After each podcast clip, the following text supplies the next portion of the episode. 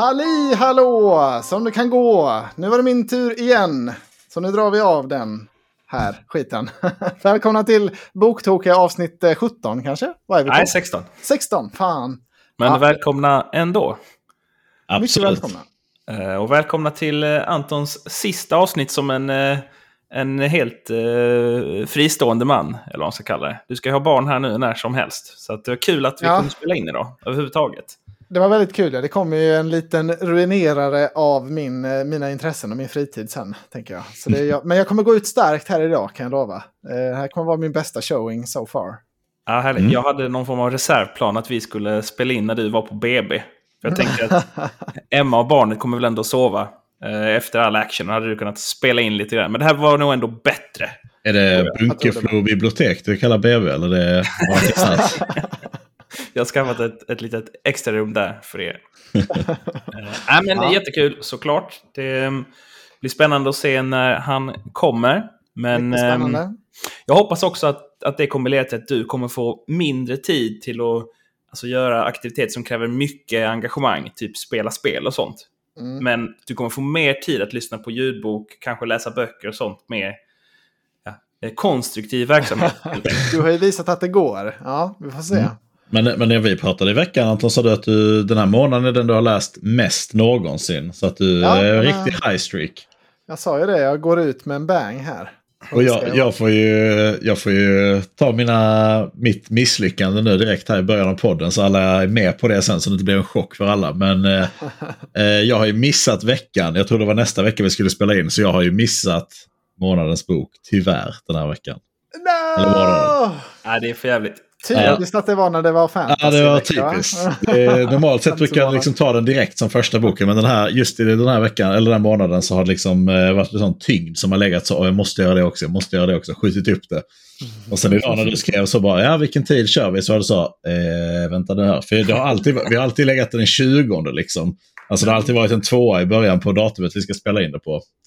Eh, så Ja, det är väl det här nya var... hårda fyra veckors schemat. Då är det tufft. Ja, ja precis. Mm. Det finns höga förväntningar på att vi ska pumpa ut content. Och då fyra veckor och fyra veckor. Så det, Men, är, det är trist. Jag har min uh, bästa bok i år hittills. Så att jag, jag tar med mig den. Åh, oh, vad bra. Du satte på kvalitet då den här veckan. Exakt. Är det, din, är din enda bok? Hur mycket har du bjudit Nej, nej. Jag har tre stycken. Oj, ah, ja. det är lugnt. Jag har haft en riktigt dålig månad. Så det är skönt att um, du levererar då, Anton. Jag har sett på din Goodreads, du har verkligen bränt av uh, böcker. Men uh, jag har inte gjort det. Jag har varit för upptagen med att följa MFF och läsa MFF-forum och, och poddar och sånt. Vi har ju vunnit ja. Har du förlorat någon match än eller? Nej, nej, nej. nej, nej. Så nej, det är eufori här. Men det nej, har ju ätit in lite på min uh, lästid. Mm. Um, men det blir väldigt kul att höra vad ni har idag.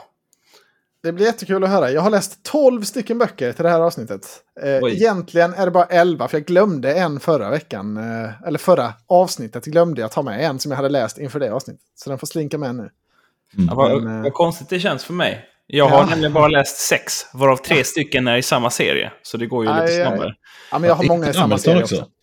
Uh, nej, Hamilton är slut. Det är en ny, ny ljudbokssatsning här. Är det Nespa oh. nu eller någonting? Ja, vi får väl se. det får vi se. Snabbt bara innan vi går in på vad vi har läst. Så har jag också gjort en annan grej. Vi har skaffat Audible den här månaden. För det har ju varit mycket snack i den här podden om att Örres besvär med att inte kunna köpa fler böcker. Mm. Eh, och jag tyckte det, var, det verkade väldigt märkligt tyckte jag. Så snackade jag med min svärfar. Och han sa det, nej, nej, men jag har också Audible. Jag har köpt massa böcker. Så bara visar han upp, titta här. Jag har hur många som helst i den här sci-fi-serien med 26 delar som jag läser just nu. Eh, så jag skaffade ett konto och eh, ja, det, jag vet inte vad du har gjort med ditt konto, men det är, det är bara att köpa på hur många böcker man vill. Ja, jag kan fortfarande inte göra det även om du skickar instruktionerna. Så att det, är, det, är kanske, det finns ju olika kategorier av böcker. Det finns ju de som är lite mer premium. Det är de jag inte kan köpa. De andra går att köpa. ja, ja, det må så vara. Mm. Det, jag skaffade tjänsten för att jag, ville, jag blev så sugen på den här Born to Run, Sebbe, som du berättade om. Ja. Eh, och det sjuka var att just den boken, alltså den fanns på tyska, den fanns på spanska, den fanns på massa språk. Tvåan fanns på tjänsten. Alltså, alla andra böcker den författaren har skrivit fanns på tjänsten. Men inte just Born to Run 1, insåg jag. Så det var sjukt. Finns det en två? Tydligen. Och det finns på Audible i alla fall, kan jag tipsa om. Jag höll ju på att skaffa en ljudbokstjänst också för att få den här Pan of Prophecy som av någon konstig anledning inte fanns på, Malmö, eller på Malmö stadsbibliotek. Mm, nej, det var mycket märkligt faktiskt. Men det blev att jag köpte den på iPhones boktjänst för 9 spänn istället. Det kändes oh. mer värt än att skaffa en sån här... Jag kör ju Biblio. Det är ju gratis. Sen finns det ju mm. inte så mycket böcker, så man får läsa de som, som finns. då. Men... Alltså, när, när, du kommer bli en riktig ljudbokare framöver. Du är liksom i startstadiet nu fortfarande. Mm. men snart kommer du märka att det håller inte med den där Biblio. Den är ett trevligt alternativ, men den är, den är långt ifrån. Och du gjorde ju det upptäckt också. Du har ju Storytel nu, Anton. Ja. ja, tydligen har jag varit inloggad på Öres Storytel i alla år. Men eh, det, det var länge sedan jag... Ja, jag trodde du hade slutat använda, alltså, ha det för jättelänge sedan. Ja. Jag, jag, tycker det är helt sjukt också att min telefon inte har avinstallerat den appen. För liksom den, ibland avinstallerar den typ så här Snapchat för mig när jag har använt Snapchat samma dag. Men just den Storytel-appen har tydligen legat kvar i minnet ja, flera år. ja, grabbar. Ni får väl langa er inlogg till olika ljudbokstjänster. Då. Jag har inga pengar kvar efter alla mina räntor och amorteringar och sånt där. så att, eh, eh, skicka, helt enkelt. Vi får göra det. Ja, eh, vi får... Ska vi sätta igång med the meat of the show? Som du mm. hade sagt Anton. Du kan väl få börja då eftersom du... Känns som det är rimligt. Ja, men gärna det. Jag kan väl börja med den jag missade förra veckan då. För det var att jag hade läst Tills alla dör av Diamant Salihu. Eh, och nu har jag också läst hans nya bok, så jag tyckte det blev väldigt lämpligt här. Den heter När ingen lyssnar. Och den är precis släppt tror jag i april. Mm. Den kom som ljudbok nu i maj i alla fall. Så jag har lyssnat på den. Eh, och den här nya ja, fortsätter väl ganska mycket efter tills alla dör. Men den fokuserar mycket på spa, alltså polisens spaningsarbete och den här Encrochat-krypteringen som, ja, som knäcktes. Alltså som underrätt, det var väl eh, Europol som knäckte den. Och då mm. de kunde avlyssna och, och, och spåra alla kriminella som använder de här krypterade chattarna. De kunde spåra deras eh, kommunikationer eh, och eh, ja, då fick man följa det. Hur, hur länge skulle de hålla på med det här? För det var ju, de jämförde det lite med när de knäckte Enigma-koden under andra världskriget. Att mm -hmm. vi kan inte agera på all Intel vi får nu, för då kommer skurkarna veta att vi har knäckt det. Mm. Så det var en sån balansgång där. Eh, jättespännande bok, eh, tycker jag. Och det fokuserar då på de kriminella nätverken. Mycket om Malmö den här gången. Mm. Spännande. Mm. Den första har vi pratat om eh, tills alla dör. Det är ju den här Shottaz och eh, Dödspatrullen. Vad, mm. vad, vad, tyckte du om, om du skulle ge dem olika betyg? Var de lika bra eller en bättre än andra? Eller? Jag tyckte nog att Tills alla dör var lite bättre. Den hade mer av en tydlig... Eh, ja, men den, den kändes som att han hade en tydligare tanke med den. Eh, den här, eh, när ingen lyssnar, var mer så här, ja men nu har jag haft två år till på mig att skriva. Under den tiden har jag liksom undersökt detta. Men det mm. var inget sånt tydligt klimax eller riktigt någon... Ja, jag knöts inte ihop lika bra, tyckte jag. Mm. Um, men um, jag tyckte den, alltså båda skulle jag säga är fyra av fem. Men uh, tills alla dör ändå betydligt bättre. Mm. Äh, den, den tycker jag var gripande. Men det har vi pratat om innan så behöver vi inte upprepa mm. här. Däremot kan jag då spoila inför nästa månad. Ja. Att just nu så lyssnar jag på Roskoden som ju handlar om oh. Enigma Code Breaking. Ja. Så att, eh, mm. eh, kul att den okay. referensen kom upp. Så det kan vi ja. prata mer om om en månad. Ja, den boken har jag läst. Den gillade jag jättemycket. Men kul att du läser den. Mm. Eller lyssnar på. Lyssna på den. Ja. Uh, det var också lite kul i den här När ingen lyssnar så fick Christian Dahlman en shoutout. Det är vår, eh, vår Lunda-favorit. Hans eh, podd fick sig en, en shoutout där. Han hade uttalat sig om... Det var många av de här eh, brottslingarna som tyckte att det var liksom rätt skandal att de här bevisningen kunde användas mot dem. Mm. Eh, så det var lite spännande, den aspekten också. Det kommer du nog gilla Sebbe, om du ger dig på, ger dig på ja. den. Jag var faktiskt inne och tittade på Biblio. Och det fanns, mm. den fanns där, men inte som ljudbok. Oh. Aha, mm. okay. Men är ljudboken, är det Diamant Salio som läser in den själv eller? Eh, det tror, alltså sam, var det han som läste in första? Nej, det, det tror jag inte. Jag tror inte Nej. det var han själv. Nej, alltså det var samma uppläsare, men det var inget jag okay. noterade vem det var. Men det var nog inte han själv. Synd, för han, eh, han hade ju ett sommarprat som var lite på samma, mm, eh, om samma grej. Och där tyckte jag han var jättebra som uppläsare. Så det var lite mm. trist att... Om det inte är han själv som läser in den, det borde han ha gjort. Mm. Ja, det är synd kanske. Det är mycket den här kur kurdiska räven också som man har hört mycket på nyheterna. Mm. högst aktuell i den här boken också. Ja, mm. men nu, nu kan jag lämna vidare. Bra bok i alla fall. Bra böcker. Mm. Nice. Ska jag ta en snabbt då? Tycker jag det låter som idé. Uh, då har jag... Jag har, jag har haft en ganska dålig månad. Och det finns en mycket osannolik förklaring till det. MFF? okay. eh, nej, det var en förklaring. Men jag fastnade, jag fastnade i en bok. Som det tog mig över en månad att ta mig igenom den. Eh, och det som är osannolikt, det är att det är en bok av världens bästa författare. nämligen Brandon Sanderson. Shirtaloo. Eh, jag gick helt i pumpen på den här. Jag liksom svårt att komma in i det. När jag läste var det inte, det var inte dåligt, men det var som att jag blev inte riktigt sugen. Och boken jag läste är då Lost Metal, som är del 7 i Mistborn-serien. Här, dropping bombs här nu Sebbe, jävlar. Hade inte du läst den innan? Nej, jag hade inte gjort det. Den har legat länge och jag har väntat ja. på den. Och jag tror det är, en, det är en kombination av faktorer. Dels så var det nog så att det var så länge sedan jag läste bok 6. Att jag hade mm. glömt bort ganska mycket, så jag kände mig lite vilsen när jag började läsa. Mm. Och, det, och, det, blev liksom inte riktigt att jag kollade upp det. Jag hade liksom glömt hur funkar de här magisystemen och det finns ju ett par olika. Det är så här ferrochemist och det är ju Alumency kommer man ju ihåg liksom i de här metallerna. Och sen så var det något med de sätter in metallspikar. Och det var mm. lite olika grejer som jag inte riktigt kom ihåg. Och det är också mycket hänvisningar till de första eh, tre böckerna. Ja. Som, eh, som det flög liksom lite över huvudet på mig, för det var så länge sedan jag läste dem nu. Eh, mm. Och så läste jag på telefonen. Och det blev så ofta när jag skulle läsa den på kvällen så blev jag liksom för trött. Så jag kom inte riktigt in i det. Och sen så blev det... Nej, det blev en ond cirkel helt enkelt. Ja, oh, jag är så ledsen att höra detta. Men jag känner igen det jättemycket. Det händer du får göra som uh, vår kompis Milky som läser om alla böckerna inför att han ska läsa nästa bok också i den serien. Sen brukar jo, men... han eh, glömma bort att läsa den. ja. när den, jo, när den typ. nya släpps, då brukar han börja läsa om de gamla. Exakt. Och så kom han aldrig fram till den nya. Roliga projekt. Nej, men det... När jag väl kom in i det så mm. tyckte jag egentligen att det var... Alltså jag tyckte det var bra. Det var inte, det var inte en, en dålig bok, men det var inte... Det, det här med att läsa på telefonen, det funkar bara när det är Shirt Alone alltså. Det... jag, jag, sa ju det, du sa din favoritförfattare. Jag tänkte direkt att det var Shirt Alone och inte Sanderson. jag väntar fortfarande på att få del 4 i den serien av Anton, men han, oh, han spårar lite där. Jag vill inte att du ska köra förbi mig. Eh, men det jag tyckte var väldigt bra i alla fall, för jag tyckte det var väldigt stark start. Så när jag började läsa så kände jag, mm. det här kommer ju vara grymt. Man börjar i en av, egentligen han är en sidokaraktär, man har en väldigt central del, alltså Wayne, som är, ja, han är liksom en, en, en glad och rolig och, och skojig cowboy-farbror liksom, i den här boken. Mm. Och han har en väldigt stor roll, han spelar en väldigt stor roll i den här boken, vilket är kul. Eh, de delarna gillar jag jättemycket och jag tycker han har superbra karaktärsutveckling i boken. Ja, men han var... börjar ju mycket som en comic relief i serien. Ja. Eh, men uh, har ju utvecklats betydligt mm. längs seriens gång. Och här är han ju egentligen huvudperson, känns det mm. ju som, tillsammans med vissa andra. Men det mm. blev lite... Just den här gången så funkar det inte riktigt för mig. Och det var nog mitt, mitt eget fel. Så att, men det, det, är svårt att, att sätta fem av fem när man inte riktigt ville fortsätta läsa. Att, Nej, eh, det kan du inte göra då. Nej, det var tråkigt att höra. Mm. Vad, blev, vad landade du på då? Det låter som en trea nästan. Mm. Ja, det, det, var nog en trea, men jag kommer nog sätta en fyra.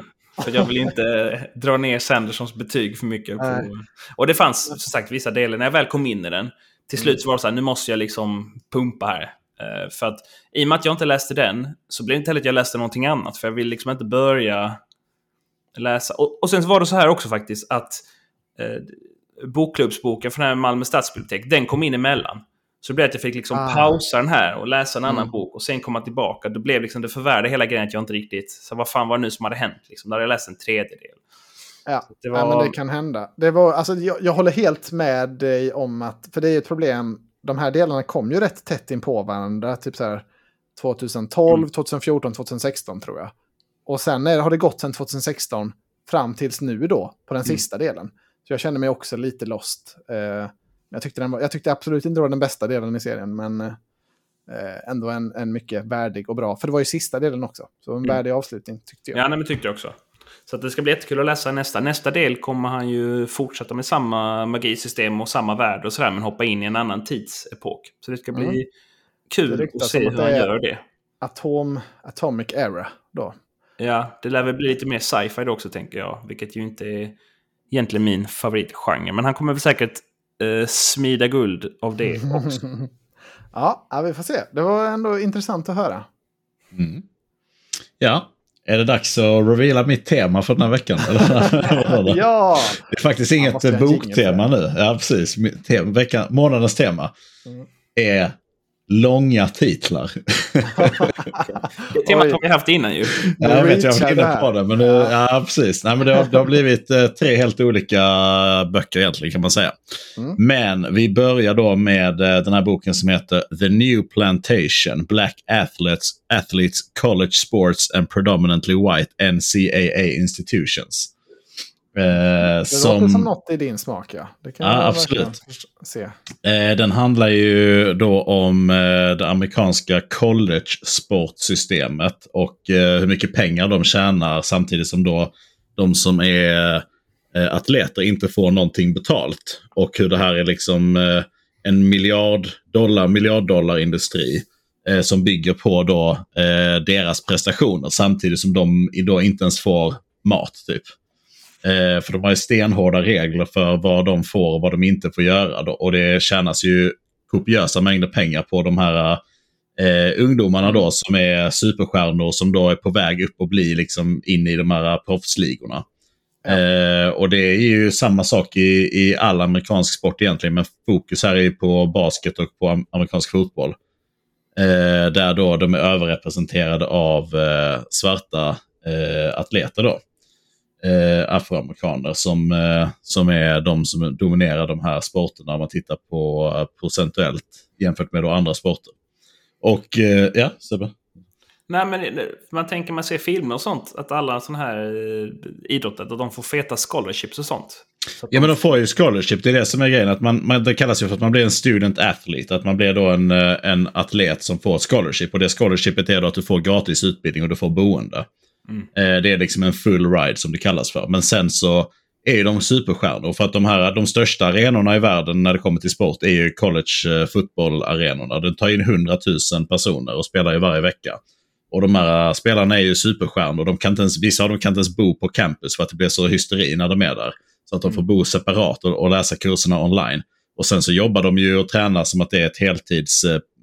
Eh, liksom. Så de har inte riktigt tid för skolan. Så de flesta får ju en full ride men för att underlätta för dem så läser de liksom lättare kurser. Så att de får liksom en utbildning men de får inte riktigt en utbildning. Och sen är det ju då bara att under 1% av de här som går vidare och blir proffs då. Samtidigt som då en, en spelarkarriär i amerikansk fotboll till exempel är tre och ett halvt år. Och då ska du spela tre år college först. Innan, för det är så mycket skador.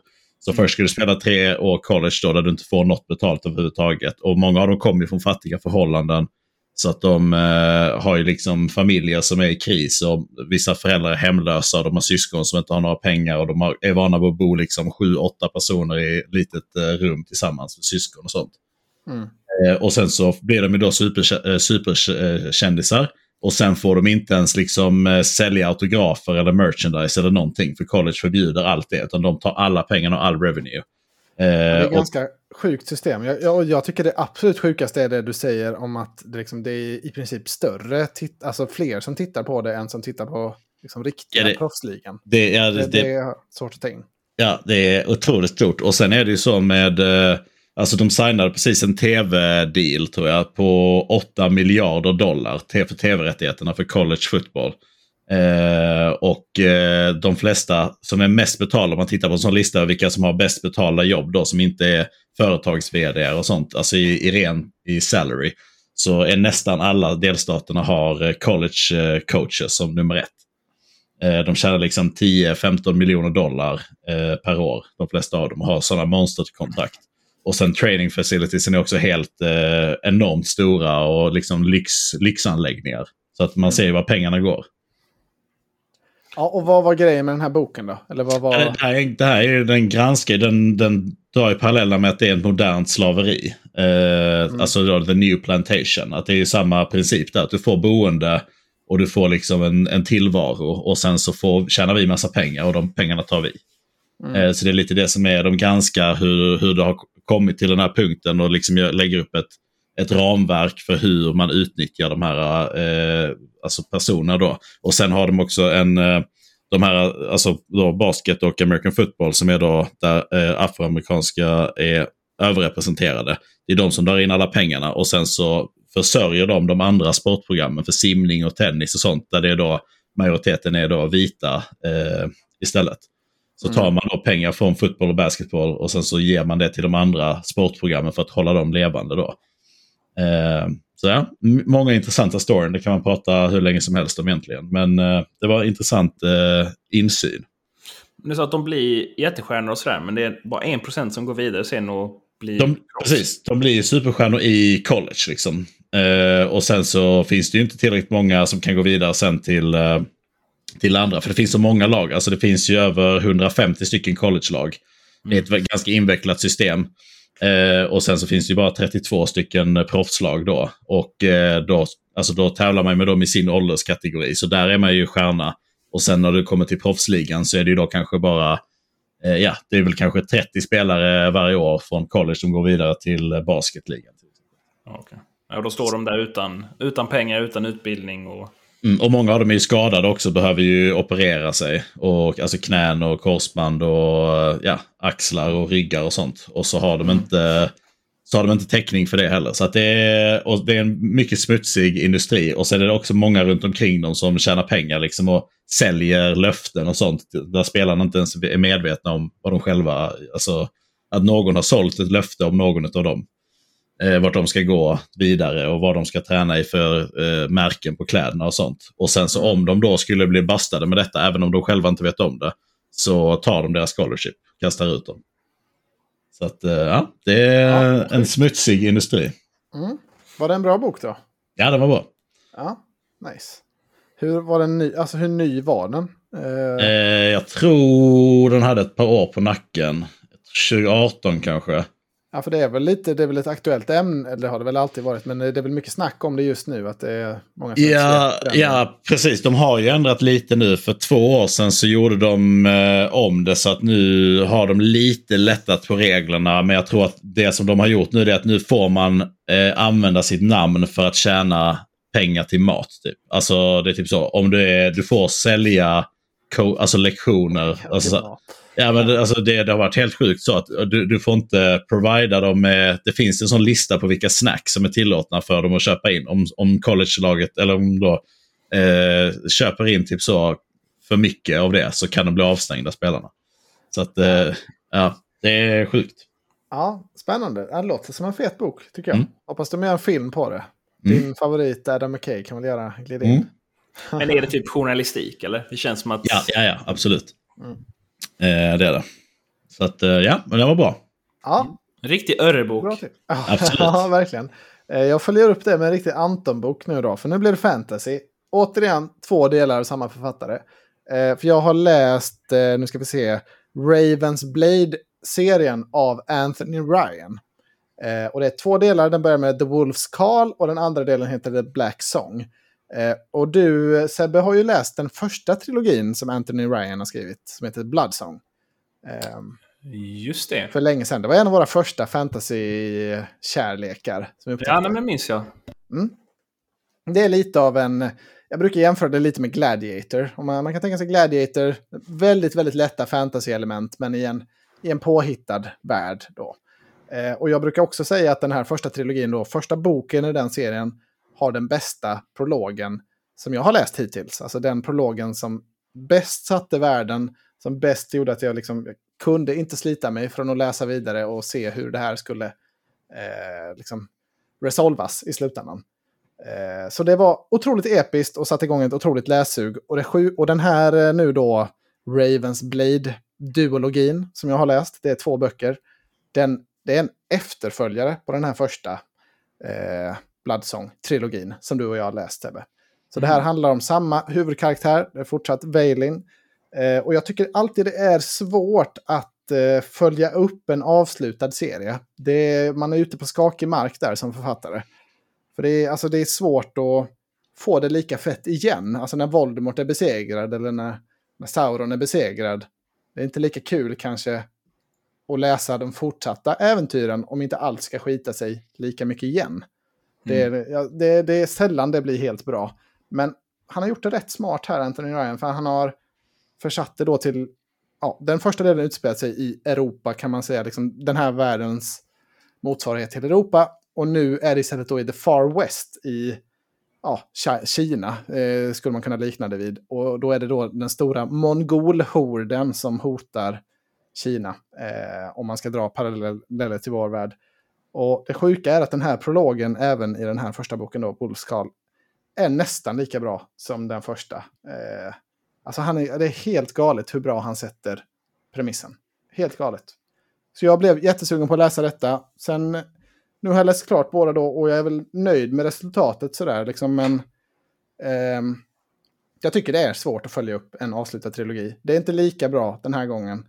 Eh, och jag tycker också det är för lite med två böcker. Alltså det jag hade känt, det hade gärna fått vara en bok till. För de hinner inte riktigt utveckla, alltså de hinner inte utveckla lika mycket på bara två böcker. Okej, okay, det är en eh, duologi alltså. Det, ja. det ska inte komma fler heller. Nej, och det är väldigt sällan man skriver den. Alltså det är väldigt mm. få fantasy-serier som är bara två böcker. Mm. Det är nästan alltid minst en trilogi. Och jag kan förstå det här. Alltså nu har de... Världen är ändå satt och mycket av liksom, förklaringarna har man ju i och med att det här är en uppföljare på en tidigare trilogi. Men ändå så blir det för lite med två böcker, tycker jag. Mm. Um, men uh, ja, framförallt vill jag tipsa folk om att läsa då den första boken, Bloodsong. Den är otroligt uh, riveting. Alltså jag, jag minns ju väl, jag minns boken. Och jag minns mm. att jag tyckte om den jättemycket. Och jag går och tittar på min eh, recension. Mm. Det är ju fem stjärnor eh, rakt igenom då på första trilogin. Givetvis. Men 2016, så det var ju ändå sju år sedan nu. Och jag får säga att jag kommer inte ihåg ett piss av den. Alltså. Det, det är inget som fastnar i minnet. Nej, men alltså det är ju så mycket, känns som mycket sån här fantasy är ju ganska likt ändå. Så när man har läst ja, 20 såna här eh, epic fantasy-böcker mm. så kan det vara lite svårt att skilja liksom. Om, om det inte finns något väldigt så här, särpräglat drag i det, mm. liksom, eller någonting som är väldigt specifikt med magisystemet och sådär. Men jag kommer inte ihåg någonting alls av just det här. Men, men jag minns att jag tyckte det var väldigt bra. Ja, men för mig, jag, liksom, den här är ändå en av dem som jag, jag kan verkligen eh, relatera till det du säger, Seb, att vissa serier som jag har läst är helt utraderade från mitt minne. Men just den här liksom lever starkt hos mig, så det var väldigt lätt för mig att hoppa tillbaka in i världen. Och jag var ju väldigt sugen på att läsa den här uppföljaren också, så det var ju... Mm. Ja, det, för mig har det stannat kvar. Men eh, ja, det var väl en, liksom en ganska, fyra och en halv, liksom, starka fyror har jag satt på båda, båda de här uppföljarna. Men första trilogin, där snackar vi riktigt, riktigt bra. Mm. Mm, behöver inte hålla, nu har jag snackat klart fantasy, så nu blir det lite annat eh, kul sen. Mm. Ja. Sebbe. Härligt. Ja, men då kan jag gå in på, jag har en sci-fi-bok. Oh, som oj. Eh, du borde ha läst Anton, men sket alltså. i.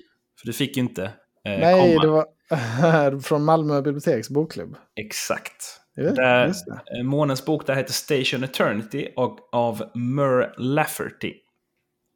Och mm. det är en... Eh, det är väl en sci-fi i huvudsak, ska säga, som utspelar sig ganska modern tid. Känns som kanske lite i framtiden, men det kändes som att eh, det var typ nutid. Mm. Jag kan säga en... att jag, jag, såg att det var den här boken som skulle läsas och kände så oh, oh det, det var, jag var inte jätteledsen att det var just den här jag tvingades missa. Nej, Okej, okay. jag tror du kanske hade gillat den. För ja, det, det är nämligen vara. en sci-fi, alltså sci-fi slash murder mystery kombo. Mm. Um, och jag gillar inte någon av de genrerna. Vilket Nej, ju tar emot den här boken på förhand kan man säga.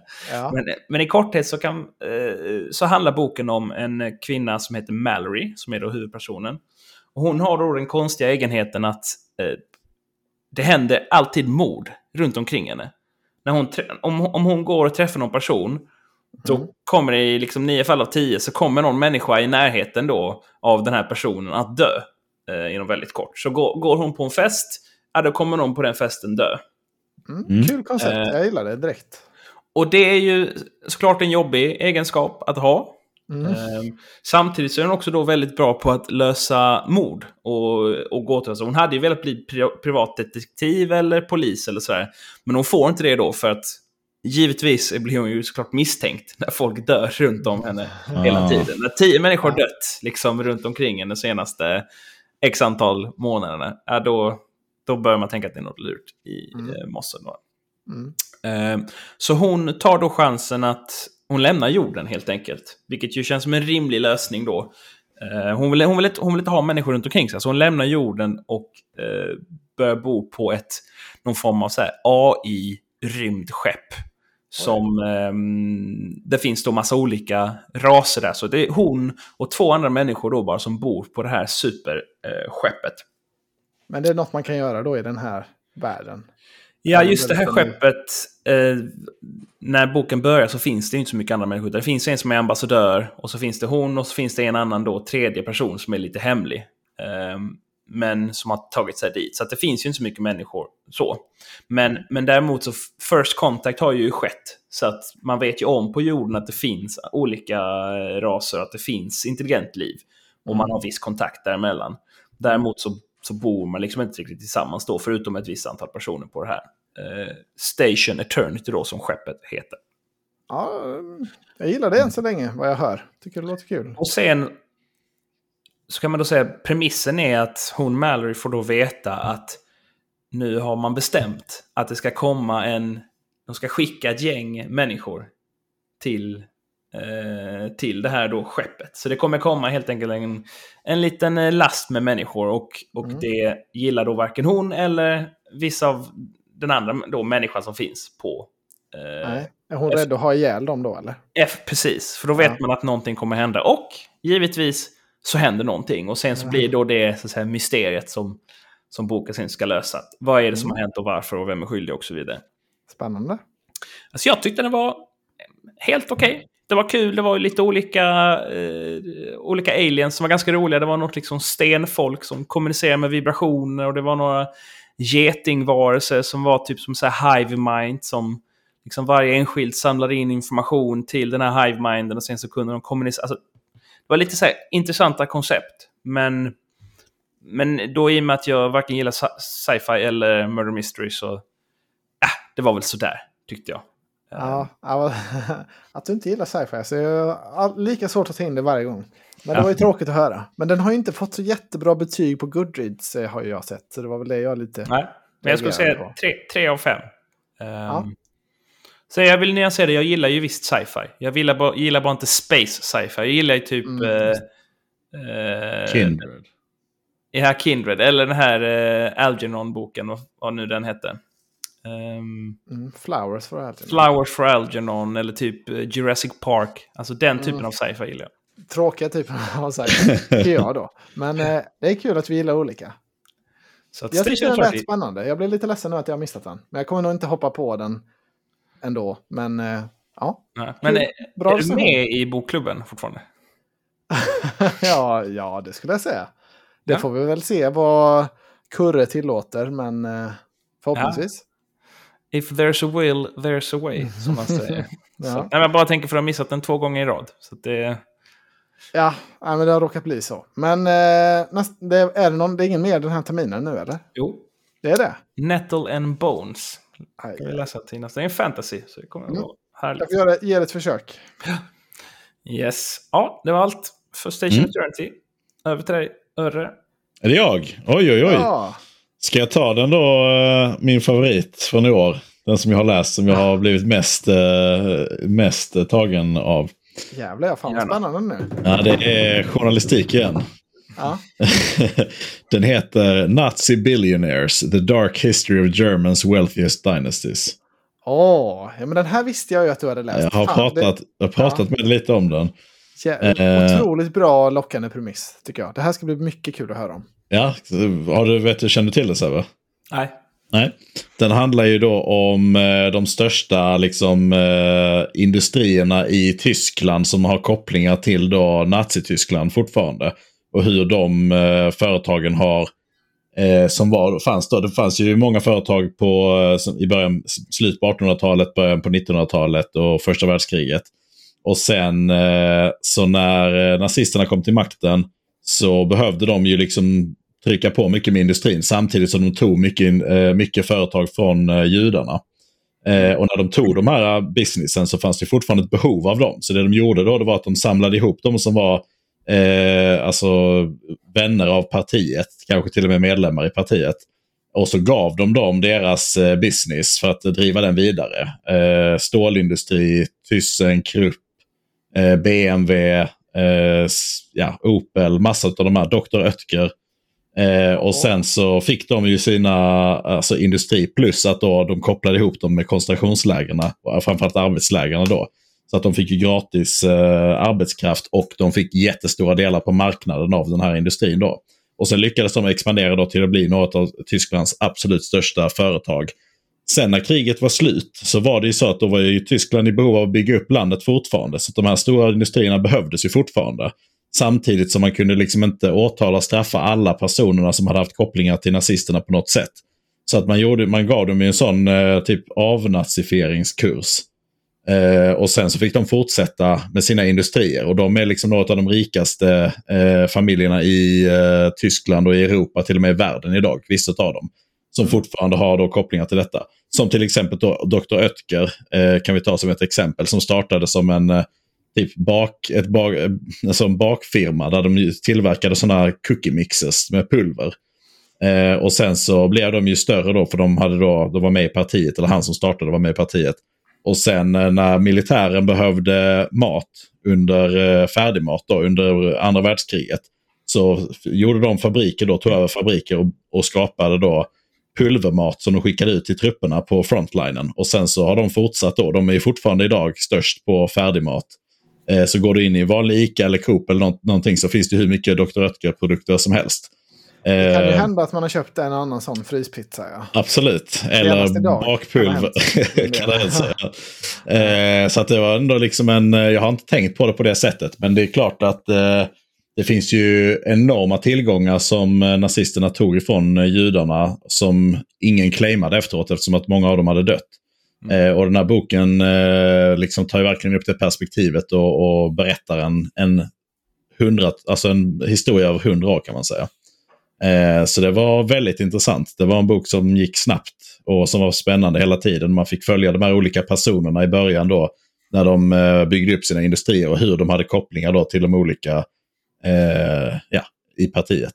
Ja, hur är den uppbyggd? Börjar den liksom då från början och sen kronologiskt? Eller är det liksom mm. ett företag åt gången? Eller? Nej, de, det är lite, lite både och. De, de börjar liksom att berätta en liten prolog då, liksom med den här, ungefär som jag har berättat nu, med själva premissen. Uh, och sen så går de in och tittar på några specifika personer som då är knutna till några av företagen. Så de, tar, de har ju flera olika exempel som de tar upp, men de går på, de går på djupet på några, några stycken. Framförallt eh, Mm. Eh, så att eh, man får följa dem då och där är även eh, de som är, är med i, i boken har ju mycket så möten och, med Hitler och att, att Hitler ger dem liksom inget riktigt val utan han säger så här är det, vi behöver, för att först, först och främst så var det ju innan de hade kommit till makten så krävde han ju av de här företagen att de skulle finansiera deras eh, kampanj i valet på, i början på 30-talet. Och då var det så att ni, om ni liksom är snälla mot oss nu och ger oss pengar så att vi kan ställa upp till valet och, och, och stödja våran eh, kampanj så kommer ni bli, bli belönade senare. Och det var så som många av dem liksom kom in i, i själva spelet. Mm. Eh, från början. Och sen så blev de då belönade när nazisterna kom till makten då genom att de fick mycket industrier, lokaler, områden eh, och så vidare. Så att, eh, ja. Är det, man kan inte köpa en eh, Dr. Oetker-pizza nu utan att känna någon form av sekundärskam? Eller vad är ja, liksom? alltså det, det, det beror ju på lite. Det är, har ju ändå gått flera generationer. Han som var knuten till partiet, jag menar han dog ju typ på 40-talet. Och sen så är det ju hans barnbarn som har tagit över eh, nu. Och sen har ju mycket av, eh, alltså det är ju en aktie som har sålts av också under många års tid. Så att de äger väl kanske så 15 procent av företaget eller någonting. Och det är ju liksom då i den generationen, eh, alltså tredje eller fjärde till och med generationen. Så att, eh, ja. Men har de här företagen gjort upp med sin historia liksom? Nej, det är det han eh, tycker att de inte har gjort. Utan han tycker att de har kört på och sen så har det här varit liksom lite som en dold hemlighet. Eh, men det har ju också varit dolt, fast inte dolt. För att det har ju ändå, de flesta har ju vetat, eller man kan ju dra slutsatsen själv. Liksom, att eh, undra hur de här företagen har eh, tjänat så mycket pengar. Eller jag, jag hade aldrig tänkt på det på den tanken att ja, okej, okay, men om, om så många judar tar sig från sina industrier och eh, företagsverksamheter och blir mördade så måste ju någon annan rimligtvis ta över den andelen. Och det har inte jag tänkt på tidigare. Så det var liksom en, verkligen en sån, just det. Eh, mm. och, och, många av de företagen som nämns där är ju företag som man idag känner till väldigt, väldigt eh, framgångsrika. Ja, den här mm. ska jag definitivt lyssna på. Du har mm. lyssnat på den som ljudbok eller? Ja. Ja, ja den, eh, det, det är exakt sådana här böcker jag gillar som ljudbok. Mm. Eh, lite så, fakta. Vad var det du sa förra avsnittet Anton? Det är bra med andra världskriget. Ja, ja det är bra, bra med andra världskriget. Andra världskriget. Ja. Eh, passar perfekt för dig. Mm. Ja, mycket bra tips. Lång titel också, det ger jag dig. Ja, precis. Mount eh, Billionaires är väl förkortningen. Ja, precis. Ja, men då är det slut med Dr. Dr. Oetker frispizza och jag får väl sälja av BMWn och se om det är något annat. Eh, mm. Du, du, är den, du är den som är mest uh, inne där i det träsket. Du får köpa, vad heter de, Grandiosa istället kanske? Ja, jag köper nästan aldrig frispizza faktiskt. Så just Nej. där är jag nog trygg. Där mm. drar du din gräns. Se över andra delar av min, min BMW. ja. Ja, ja Anton. Verkligen. Mm. Ja, verkligen. Eh, nu kommer jag riva av fem böcker på ett bräde här, för jag har nämligen läst fem böcker i samma serie. Mm. Eh, och det är serien som heter Landsförvisade på svenska. Eh, den heter The Australians eh, på mm. engelska. Mm. Och den skrevs under synonym på 80-talet under namnet William Stuart Long. Eh, 12 delar tror jag det är. Men eh, nu då så har de eh, refreshat kan man säga, gjort lite nya fräscha omslag och släppt den här på nytt under då Vivian Stewart som är författarens riktiga namn. Mm. Um, och eh, det är i princip en Utvandrarna kan man väl säga, fast eh, liksom eh, Australien. Att det, hand, det handlar då om de första, första britterna som tar sig till Australien och sen ja, under de första åren och vad, vad som händer där. Det var ju en straff, eller en fångkoloni då från början. Mm. så berättelsen börjar om en otursdrabbad bondefamilj i, på brittiska landsbygden som, ja, som av olika anledningar hamnar på ett sånt här fångskepp. Och sen får man se hur de försöker bygga upp sitt liv i, i Australien sen. I mean. ja, ja, den här är... Jag, har, jag blev så jädra högt direkt. Så jag tänkte, ja, men jag lyssnar på en bok sådär. Det blev, det blev bra. Eh, och så direkt när den var klar, jag tar nästa. Och jag tar mm. nästa. Och jag, tar nästa. Alltså jag, var, jag, jag kommer fortsätta lyssna på de här också. Hur många finns det? Alltså det, det, det, det verkar vara, det är tolv böcker då från mm. början. Mm. Men all, på, på svenska finns det tio stycken än så länge översatta. Eh, mm. I de här nyversionerna då. Eh, men jag tror alla tolv finns i nyversionen på, på engelska. Så du lyssnar på dem också? Jag lyssnar på de här. Ja. Okej. Okay. Eh, och eh, ja, jag har blivit eh, otroligt högt. Men det är, ju, alltså, det är ju typ som en historielektion fast mycket mer då intressant och in, invävda. Det är väldigt många, alltså huvudpersonerna och så är ju fiktiva. Men många av de andra karaktärerna är liksom baserade på den riktiga guvernören, den riktiga mm. eh, liksom, generalen och liksom, riktiga kaptener och sånt. Som var, mm. alltså, de som var där. Det var inte så hemskt många människor som var där från början. Nej. Mycket med hur de interagerade med urimvånarna eh, och så också. Så den ja, kan verkligen rekommendera. Blir hooked direkt. Mm. Det allra bästa, det finns på Biblio. Jaha. Så nu har jag mitt nästa lyssningsprojekt här. Perfekt. Ja. Det är bara tio timmar också, åtminstone den första boken. Ja, men alla är runt tio timmar, så det är därför det går så snabbt. Det klämmer man ju på en dag eller två. Mm. Ja, men vissa har nästan gjort det. Det har varit så här tre, tre dagar per bok. Du ska, du ska bara inte göra så nu Sebbe, så att det blir dina fem böcker nästa och jag har också kört samma och vi har redan pratat om dem. Men... Men då blir nästa avsnitt kort. Det är väl härligt? Exakt. Det är väl härligt, ja. Ja, men det var faktiskt... Jag hade, jag hade verkligen bara tänkt så här. Jag, hade, jag, hade jag blev så jädra sugen på Utvandrarna. Så mm. Jag hade som ett projekt att jag skulle läsa Vredens druvor. Jag såg mm. att den, den var så här, similar books till Utvandrarna. Mm. Men så tänkte jag, ja, men jag drar den här korta först eh, om Australien. Då, har jag ändå, då får jag en bok till. Men sen, eh, ja, det var verkligen mycket mer eh, starkare och, och mer liksom gripande än vad jag hade tänkt mig. Så jag blev, jag blev eh, verkligen sugen på att läsa allt. Mm. Jag, jag har ju varit riktigt uh, sugen på att läsa uh, Grapes of Wrath, eller Vredens druva. Alltså det är mm. John Steinbeck. Jajamän. Mm. Så att det kanske vi ska ta ett gemensamt projekt då. Vem vet, det kanske är min bok den här månaden.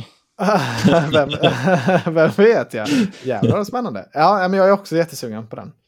Eh, det finns också en norsk bok som jag blev ännu mer sugen på nästan. Eh, Ah, jag, jag återkommer med den. Den fanns inte som ljudbok tyvärr dock. Varken på engelska eller på svenska. Mm. Den måste man läsa i pappersform då. Men det kanske jag ska göra en vacker dag. Kör du bara ljudböcker nu för tiden eller? Nej. Eh, till exempel de här Blacks, alltså de Anthony Ryan, de har jag läst. Eh, Riktigt. Mm. Alltså, men lite mer, jag brukar säga varannan ljudbok, men den här veckan har det ju blivit mer övervikt då på, på ljudbok på grund av de här fem. Och varje gång du säger den här veckan så menar du den här månaden? Ja, ah, jag är så inställd i det i podd, poddlivet i övrigt att det är veckobasis. Jag menar den här månaden, det här avsnittet. Sen senast. Sen senast. Ja, fint. Nej, jag förstår det. Jag har också blivit mest... Eh, eller det är 50-50 för mig i och för sig. Mm. Ska jag bränna av min serie då? Jag har också läst en... Kör på. Eh, Gör det. För jag har läst en serie i tre böcker. En trilogi alltså. Mm. Ni kanske minns att jag tidigare har ju efterlyst en Mina drömmar stad fast för Malmö. Mm. Har du hittat den nu? Har du gjort? Eh, nej, inte riktigt. Men typ. Genap. Eh, har du Nej. läst vidare om den här mördar, äh, dräpar Magnus? Per. per, ja. nej, nej, det har jag inte gjort. Äh, Bödeln Per. Bödeln, just det. Däremot så har jag läst en, bo, då en trilogi som heter Trilogin om Johan Kraft av Torbjörn Flykt. Och mm. det är en bok i tre serier. Som den första heter Underdog. Släpptes 2001 och vann Augustpriset då. Den andra boken är Outsider som kom 2011. Och den tredje boken är Slugger som kom nu augusti 2022. Mm. Mm. Och det här är då en serie, men man kan också läsa dem liksom för sig. Det, det går, även om jag nog eh, tänker att man, man missar ju en hel del karaktärsutveckling och, och en del av djupet i det. Eh, men, men, men det går att läsa dem bara en av dem, om man bara vill läsa den sista exempelvis. Mm. Men Underdog, där följer man då eh, en familj och i huvudsak Johan Kraft då, som är en pojke när man börjar. Och han har då en syster som heter Monica, kallas för The Brain, för att hon har läshuvud och är duktig. Och hen, hans mamma eh, Bodil, som är en ensamstående mamma och sliter hela dagen då i strumpfabriken Strumpan för att försörja familjen. Och den här boken börjar då på 1970-talet i Malmö. Och han växer upp på Borgmästargården som är ett av miljonprogramsområdena i, i Malmö. Mm. Det börjar på 70-tal och sen så genom då trilogin så går man i princip fram tills nu. Eh, nutid. Så på så sätt är det ju lite grann som Mina drömmars stad, men man följer liksom samma karaktärer hela tiden. Det tillkommer något barn och barnbarn och sådär, men det är inte som att, att det är helt olika generationer som det är i Drömmars stad den utspelar sig över längre tid. Mm. Och det är, heller, det är inte heller lika mycket fokus på Malmö som stad och Malmös utveckling. Så på så sätt skiljer sig ändå. Alltså det är väl en fattigmans Mina drömmars stad om, om Malmö och om mer modern version. Så från 70-talet tills nu. Vilket ju ändå, det är ju en väldigt intressant det är ju en väldigt intressant period i Malmös historia, för det har hänt otroligt mycket sen 70-talet. Men då var ju Malmö mm. liksom en ganska hård och kall och ruffig industristad. Liksom med det, det Kockums och Strumpan och liksom olika typer av industrier. Och sen nu är ju Malmö, ja, vad är det, Skandinaviens eh, Silicon Valley liksom, eller liksom mer dataspel. ja, men det är, Man hör att du bor i Malmö. Nej, men det är ju, det är ju ändå det är ju massor av spelföretag och det är, ja, det är stor tjänstesektor och sådär. Det finns mm. ju inga industrier kvar i princip. Så det har ju, ja det är väl Jarden då som är kvar. Äh, gamla Jarden. Men, men det har ju hänt mycket i också. Liksom, Malmö har blivit mer så hipsterfierad liksom, och det är, det är kulturellt nav och det är restauranger och det är, det är mycket annat. Det är inte så mycket tung industri kvar. Och den mm. utvecklingen får man följa lite grann då. Och det som, alltså jag plockade upp den här på chans för att jag sett den många gånger och så fanns den då som ljudbok på Biblio. Och jag hade ingen aning om det, men det visar sig att eh, i Underdog så följer vi då Johan Kraft när han är barn och växer upp. Liksom. Um, och då... Det är mycket när han går i skolan och det är en arbetarklassbetraktelse och det är liksom de eh, problemen som, som man har där och då. Det är mm. liksom det är taskiga lärare och det är liksom en tuff uppväxtmiljö och våldsamma barn på granngården som bor i en annan förening och sådär. Och mycket då referenser till Malmö där och då och den liksom tuffa industrin. Mm. Sen så eh, det är lite kul för han hänvisas mycket till MFF. För det är under MFFs, eh, en av deras storhetsperioder. Så det tyckte jag är extra härligt. Men sen så utspelar sig då den boken Underdog till att han typ går ut högstadiet. Sen i andra boken, då, eh, tar, när den tar vid, då har då börjat Johan Kraft börjat plugga juristlinjen i Lund. Oh. Bor i Lund och lever studentliv där. Eh, och det hade jag ingen aning om, men det var ju såklart ja, lite kul. kul ja. Hit close to home, så att säga. Mm. Um, och sen så går han och blir affärsjurist. Den gode Johan Kraft. Det får man läsa lite om i andra boken. Um, och sen så tröttnar han på att vara affärsjurist. Uh, och då börjar man känna igen sig. Det här är ett mönster. igen. Uh, och sen då sista boken. Då har han blivit lite äldre och har familj och sådär. Och har flyttat ut, då lämnat Malmö och bor nu ute på Näset, i, alltså Skanör Falsterbo och driver en familjerättslig eh, byrå helt enkelt. Mm. Och väldigt mycket mm. handlar om då att eh, hur mycket han hatar eh, Höllviken och eh, det där borgarnästet som man kallar det. Och liksom mycket roliga betraktelser kring hur det är att ligga på den här jävla motorvägen, eh, väg 100 eh, till Malmö hela dagen och sådär. Och jag har ju liknande känslor för Näset. Så att det, jag kände igen mig väldigt mycket så nu har inte jag bosatt mig där uh, än i alla fall. Men vem vet. Det är en ganska... Och innan han, innan han eh, flyttade ut där så bodde han förut i Slottstaden, där jag ju också bodde. Så det finns ju många gemensamma nämnare mellan mitt liv och hans. Så det, det lyfter ju boken. Ja, vad spännande. Vad ska din huvudkaraktär heta då när du skriver? Jag tänkte precis på det också. Din livshistoria. Ja, vi får väl se. Anton kanske. Mm. Nej, men det, så det var väldigt kul. Det kan känna igen sig i mycket. Och det, det finns liksom ingen så jättetydlig handling. Man följer familjen och det, liksom, det går upp och ner och det, det är barn och det är nya jobb och det är sådär. Ja, en, mm. en eh, liksom, familjeroman. Men som jag tyckte var väldigt bra gjord. Och den läses in också av han Torbjörn Flykt. Som läser på riktigt bred malmöitiska. Vilket är oh, riktigt nice. Så det är mycket så här Mussan och, och sånt. Det, det tyckte jag var riktigt eh, fint. ja, mm. Alltså den kan jag verkligen rekommendera. Eh, om man vill ha något lite så här low, low key liksom. Det är inte supermycket action, men ändå tillräckligt mycket för att det skulle vara intressant. Ja, alla tre är bra. Eller? Ja, men jag, jag, tycker, jag tycker man kan lyssna på. Om man är intresserad så tycker jag nog man kan mm. lyssna på alla tre. De är inte jättelånga heller. Jag tror de var ja, men 12, 12 timmar kanske. Mm. Nej, men jag, det fanns på Nextory här så jag. Det var ännu ett bra tips. Jag är mm. absolut intresserad. Mm. Även om kanske inte 70-talet är min prime, alltså min mest, den historie, historien som jag är mest intresserad av. Nej, men, det är lite för sent eller? Ja. Mm. Ju, ju längre bakåt desto bättre, generellt. Men det är alltid bra med andra världskriget också, såklart. Då kan jag rekommendera Grottbjörnens folk då. Ja. Nej, men det ska se. Kanske, kanske läsa denna. Eller lyssna på. Blir det mm. nog. Mm. Ska jag ta min sista? Gör det. Mm. Eh, det här är en biografi och den heter Straight Shooter, A Memoir of Second Chances and First Takes. Av Stephen A. Smith. Som oh, är en eh, amerikansk sportjournalist kan man väl kalla honom för.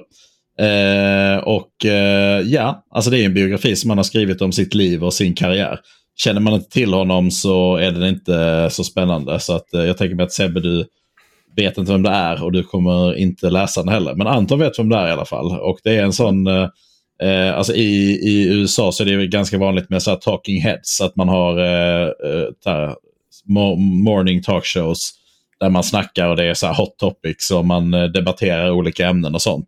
Och eh, den här mannen då, Stephen A. Smith, han har ju varit en av dem som har blivit eh, Ja, han är väl typ den, den kändaste hot take-journalisten eh, nu inom sport. Och framförallt basket, men också basket, boxning, baseball och amerikansk fotboll. Och han, eh, han har ju gjort, han jobbar på ESPN och har en, en show där som heter First Take som har pågått sedan 2012 kanske. Eh, och eh, sen så innan dess har han också jobbat på First Take och sen har han varit lite journalist på, i tidningar och sånt. Så det är en biografi om hans liv. Eh, ja, intressant om man eh, gillar den typen, men eh, som sagt, vet man inte så är det ingenting att läsa. Men jag tycker, jag vet inte om du har varit sugen Anton, eller om du... Alltså jag är ju extremt sugen på att höra highlightsen från dig när du liksom kommer recapa den här boken. Jag har ju redan fått höra en del. Ja. Men det, jag, jag tycker Stephen A. Smith är en riktigt rolig karaktär. Jag gillar ju heta takes och shots fired och sånt. Så jag, ja. jag ja, det, ja, han, det, jag kommer byggt, bara höra. Han har ju byggt sitt varumärke på liksom uh, tell it like it is typ. uh, ja. Och liksom så här, ha olika hot topics och sen så snacka om dem. Och sen så har de ju en miljonpublik som lyssnar på honom varje morgon.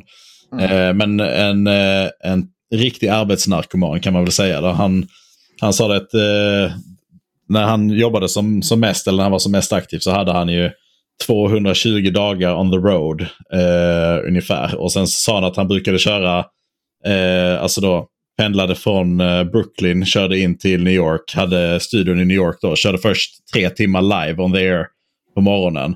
Och sen efter det brukade han hoppa med på showen som var efteråt och gästa och sen äta lunch. Och sen så körde han sin egen show två timmar eh, mellan ett och tre. Och sen så och körde han vidare till Sports Center-studion. Och sen var han med där till Eh, matcherna började och sen så gick han och kollade på matcherna och sen efter matcherna sa han det var då han fick sin viktigaste information när han då hängde med spelarna efter matcherna. Till klockan två och sen gick han och la sig och så vaknade han fem igen. Så att, ja, det är eh, ungefär som mitt poddschema. Ja, som. exakt. Så det var full rulle och så on the air hela tiden i princip. Så att, eh, det är en karaktär kan man väl säga. Sen är han både hatad och älskad av många. Mm. Ju, jag har ju bevingade ord från en av mina delägare på mitt före detta jobb. Han mm. sa att Sebastian, Uh, det sömnbrist, är så, som alkohol, det, sömnbrist är som alkoholism. Man lär sig att leva med det. Mm.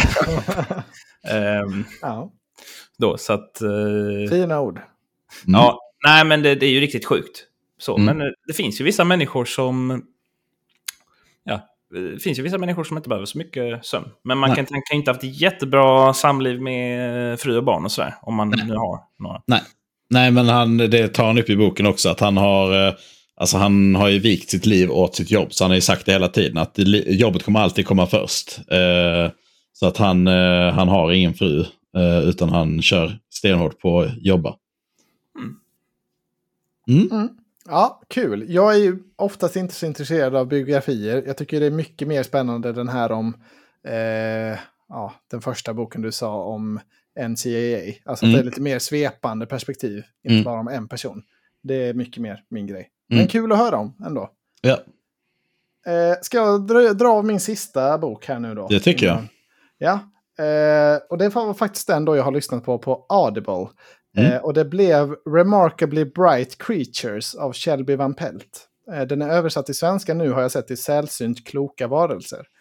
Eh, och jag vet inte om ni har sett den här filmen My Octopus Friend. Absolut. Den var, var ju hypad för några år sedan. Vann väl en Oscar också, mm. för mig. Absolut. Mm. Har du sett den Sebbe? Ja, jag vet inte. Jag har nog Nej. sett delar av den kanske. Jag känner igen hela grejen, men... Ja, men det var en väldigt gripande skildring om en, om en man som var lite liksom, vilsen i livet och så började han dyka mycket och blev kompis med en en väldigt smart, smart bläckfisk mm. eh, som levde utanför hans, ja, i havet utanför honom. Och den här boken har ju lite samma tema då, att det handlar om en bläckfisk, men det här är en bläckfisk som är fångad på ett akvarium. Eh, och så handlar det om en äldre kvinna som är städare på det här akvariet. Eh, och sen den tredje personen är en ung man som, ja, han börjar boken på andra sidan USA. Eh, och i början vet man inte riktigt då vad som vart det är på väg, men, men eh, deras öde ska ju på något sätt då liksom eh, kopplas samman, förstår man ju tidigt. Och man får läsa då det ur alla, de, alla tre de här perspektiv, så man får även bläckfiskens perspektiv. Och i det här fallet då så är det en väldigt smart bläckfisk som resonerar och tänker och har ju inte alltid jättehöga tankar om eh, mänskligheten och om människor och sådär. Eh, och jag var väldigt, jag tyckte den började ganska svagt. Jag kände så här, jaha, vad är, det bara puttrade på. Jag kände inte riktigt att um, vad, är, vad är det här på väg? Eller vad, jaha, ska, jag bli, ska jag börja tycka om den här bläckfisken nu? Och liksom, ska, det här bli, ska det här bli gripande på något sätt? Jag kände mig inte, jag var, det tog lång tid att komma in i den. Men ungefär halvvägs in så börjar man fatta, okej, okay, det här är plotten. Och mm. då blir det verkligen mycket bättre. Eh, och det är väldigt mycket då komik från den här bläckfisken och det är mycket, ja, det bygger ju mot ett gripande eh, slut såklart. Jag så jag tyckte den vägde upp ganska mycket på slutet. Jag är ändå inte jätteimponerad av den här boken. Den har blivit väldigt hyllad, men eh, inte riktigt i min, i min smak. Ja, väldigt bra betyg också. 4,45. Ja. Oj, ja. oj, oj. Ja. Och den har blivit superpopulär. Eh, och jag kan förstå det. Men eh, det är också en dalahäst på omslaget. Så jag blir lite så, oj, fan vad konstigt. Eh, det här. Mm. Alltså jag såg det på Audible. Och jag, jag hade ingen aning om vad boken skulle handla om alls. Alltså jag visste inte om att det var liksom en bläckfisk eller någonting egentligen. Utan jag bara tog den på betyget. Så den här verkar ju nice. Mm. Eh, och så var det en dalahäst då, så tänkte jag, ah, fan vad konstigt. Och det var, det var inte så att det var din uh, nya fascination för epadunk som fick dig in på... på Dala, dalmålet. Nej, nej, det var det inte, utan uh, det, ba, det, var bara ett, det bara råkade bli den boken. Men den här, det visade sig att den här då äldre kvinnan som det handlar om, hon har starka kopplingar till Sverige. Så okay. det är rätt mycket så svenska referenser och den här dalahästen har ju kanske då en, liksom en viktig del i berättelsen. Men det var mm. lite kul så att det bara råkade, råkade vara liksom, en, en svensk karaktär, eller en tidigare svensk karaktär. Mm. Utspelar sig i USA, den här boken. Mm. Men jag, jag, jag kan förstå att den liksom går hem hos TikTok. Eh, ah, okay. TikTok eh, där. Även om det inte är någon romans liksom, i första hand. Men mm. jag kom, ja, på något sätt så kom jag in i det lite fel. Jag, jag hade nog kunnat gilla den mer i rätt förutsättningar. Mm. En ja. 3 av 5 har jag på den. Liksom en ganska svag 3 ändå, tyvärr. Oj då. Trist. det var inte bra. Ja. Innan vi går vidare till nästa programpunkt och du ska berätta mm. vilken det är Anton. Så jag en generell eh, diskussionsfråga mm. som jag tänkte vi kan ta upp. Alltså det här med just ljudbokstjänster. Mm. Om man bara ska ha en, vilken ska man ha då? Ni som är proffs. Förutom Biblio då, som jag kan rekommendera.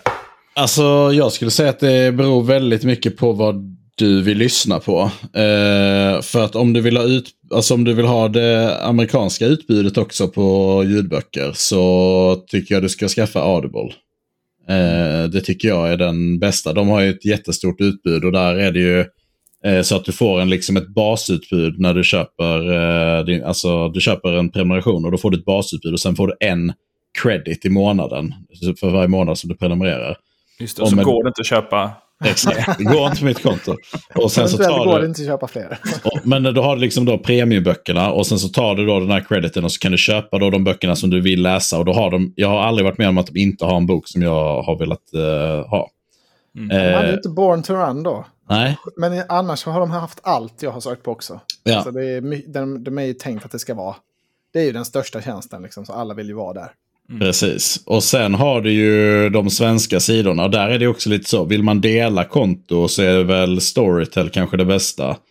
Eh, om man vill vara flera. Och sen eh, har jag haft Nextory, men jag gillar mest story, eh, Storytel. Jag skulle säga mellan Storytel, Nextory och Bookbeat, det är hugget som stucket. Utbudet mm. är väldigt snarlikt, funktionerna är snarlika. Jag, tycker, jag har använt alla tre tjänsterna mycket, jag tycker alla är bra. Mm. Men det är ju liksom antingen någon av dem eller Audible är väl de stora som mm. finns. Sen, eh, jag tycker man får alldeles för lite i Audible. En bok i månaden kommer man inte långt på, känner jag. Men, eh, Sen har du Antons ja. hemliga sida också, men den tar vi efter podden. ja. Det kan finnas vissa andra alternativ också, ja. eventuellt. Men det, det låter vi vara osagt. Mm. Jag klipper bort det här. ja, det är bra. Men jag kör ju Nextory. Eh, och du har ju Storytel då, och plus Audible. Ja, precis. Det, jag gillar ju, jag, mina bästa böcker tar jag ju aldrig på ljudbok som princip. Så därför Nej. är det inte så viktigt för mig att utbudet är helt maxat på ljudboksidan. Utan där är det mer så, ja, men jag kan ta den här, den kan jag ta på ljudbok. Liksom mm. inte, är det någon bok jag verkligen vill läsa, då ska jag ha den, liksom, då ska jag läsa den mm. eh, ändå. Så därför är inte Audible lika nice för mig, tror jag. Mm. Jag, jag kan känna igen det. Jag tänker också att vissa böcker passar sig bättre för djur. Alltså jag tänker böcker som man måste fokusera mycket på, eller som är komplicerade, så här, kanske inte passar sig lika bra på ljudbok. Eftersom Nej, ofta det... gör man ju någonting annat. Man kanske kör bil eller diskar eller vad nu kan tänkas vara samtidigt. Och då kanske men det är lite som läsförståelse. Alltså läser du mycket så bygger du upp din läsförståelse. Precis samma sätt är det när man lyssnar också. I början när jag lyssnade mycket på böcker så hade jag också det problemet att jag hade jättesvårt att komma ihåg eh, om jag inte liksom var, var insatt i boken och sånt. Men nu brukar jag köra så att första timmen i en bok ger jag liksom inte hög speed. Och jag brukar liksom inte vara fokuserad på någonting annat. Utan jag brukar liksom komma in i boken så att man liksom lär känna boken, karaktären och så vidare. Och sen efter det så går det, flyter det på liksom väldigt smidigt tycker jag. Ja, exakt så gör jag också. Börja mm. på låg speed. Och det är viktigt att vara fokuserad den första mm. perioden i en bok. Precis. Är det låg speed? Är det 1,0 då eller? Ja, 1,25 kanske. Jag kan säga, jag har ju, sen ni sa att man måste lyssna på en och en halv, så har jag bara gjort det. Och nu mm. är det verkligen precis som ni sa, att någon gång så på Biblio så mm. avbryts det och så kommer man in och då, då går det tillbaka till 1,0 och man bara, dels så låter ju rösten lite annorlunda på vanlig ja. speed. Man bara, fy fan vad långsam, alltså ingenting händer ju. Det ja. går inte. Det är... Nej, det går inte. 1,3 brukar jag börja på. Eh, det absolut bästa tycker jag är, jag brukar försöka börja läsa, alltså om det är en bok som jag är intresserad av, att men den här vill jag, tror jag mm. kan vara bra. Då brukar jag försöka läsa de första kapitlen, alltså som, mm. som e-bok då, eller fysisk bok. Och sen gå över till ljudbok. Mm. För då, då, är jag, då kommer jag in i det mycket bättre. Så man hittar sina knep. Sådär. Och visst är det så att om man har eh, Nextdoor eller något sånt, då får man både och va? Att man har... Ja. ja. Alla böcker har... finns inte så, men de flesta. Men är det lätt de att skifta över då? Alltså om man lyssnar på en bok och sen så bara, men nu är det kväll och nu vill jag hellre läsa. Kan man då bara skifta över och komma dit man är eller hur funkar det? Nej. Nej. Jag har skrivit till alla tres eh, eh, kundtjänster om detta som ett förbättringsförslag, men det är ingen som har löst det ännu. Utan man, mm. jag brukar göra så att jag lyssnar fram till ett kapitel då, eller läser fram till ett kapitel. Mm. Och sen trycker jag mig dit. Eh, det är det lättaste att hitta. Men eh, det, det, är inte sömnlöst, tyvärr. Däremot om du har Legimus så kan du göra så. Ja, sjukt nog. Mm. Ja. Uh, ja, men uh, bra. Men då shoutout till de här tre tjänsterna. Då får ni up your game och fixa det helt enkelt. Och den som fixar det först, ja. den kommer få mina pengar. Mm. Den man inte ska använda i alla fall är Bokus Play. För de jävlarna hatar ju oss. Så de, den ja. tänker vi inte rekommendera.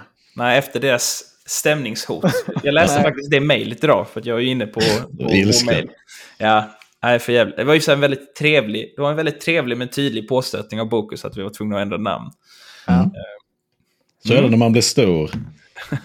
jag, är, jag är villig att ändra mig om de eh, tar fram eh, pengapungen. Då kan jag tänka mig att rekommendera Bokus Play. Men mm. annars kommer jag aldrig testa den. Mm. ja. Ja, men det är fint. Tack för den eh, insikten. Och Anton, mm. vad ska vi göra nu då? Nu ska vi prata om månadens bok. Nej, jag skojar. Vi, ska först och främst presentera nästa månads bok. Exakt. Ja. Och jag har ju, jag har ju liksom varit lite nervös eh, med den här boken. För att jag, det är en bok som jag har tänkt att jag ska läsa länge. Jag tror till och med att jag började läsa den för 20 år sedan. Men att jag inte riktigt eh, eh, avslutade den. Att jag var lite för ung när jag började läsa den. Jag kände inte riktigt mm. att det var redo. Och sen så tänkte jag så här att ja, men, ni har garanterat läst det någon av er. Men ni hade inte det någon av er på... Det låter eh, som Vredens druvor, verkligen. på, eh, på Goodreads. Eh, så att jag, och sen så skrev jag till det så här, det, det, kommer säkert vara någon av er som säger så ja men den har jag läst. Men ni båda två claimar ju att ni inte har några böcker som ligger in, inte ligger inne på Goodreads. Mm. Så det är ju då... Vre Nej, jag skojar bara. Det är Greven av Monte Cristo. Åh, oh, den har jag ju fått i fysiska exemplar av Sebbe. Ja, just det. Den mm. är ju dock jävligt lång, den boken. Men jag har inte läst den. Det har jag inte mm. gjort. Sebbe? Eh, nej, jag har inte läst den. Men jag har också för att den var pisslång. Ja, så är det. 472. Äh, det är inte så farligt i och Nej, men det där är, om man tittar hur lång den är i ljudbok tror jag du får en tydligare bild. Eh, men jag har, jag har på något sätt fått för mig att det här är en riktigt tung. Mm. Eh, men det, alltså jag vill ju gärna läsa den ändå såklart. Men mm. eh, vi kanske behöver en vecka extra till nästa avsnitt då. Det kanske vi får diskutera. har ju eh, sjukt, eh, eller har en bra betyg för att vara en klassiker. 4,29. Mm. Och den ja, är, är riktigt, riktigt bra. 44.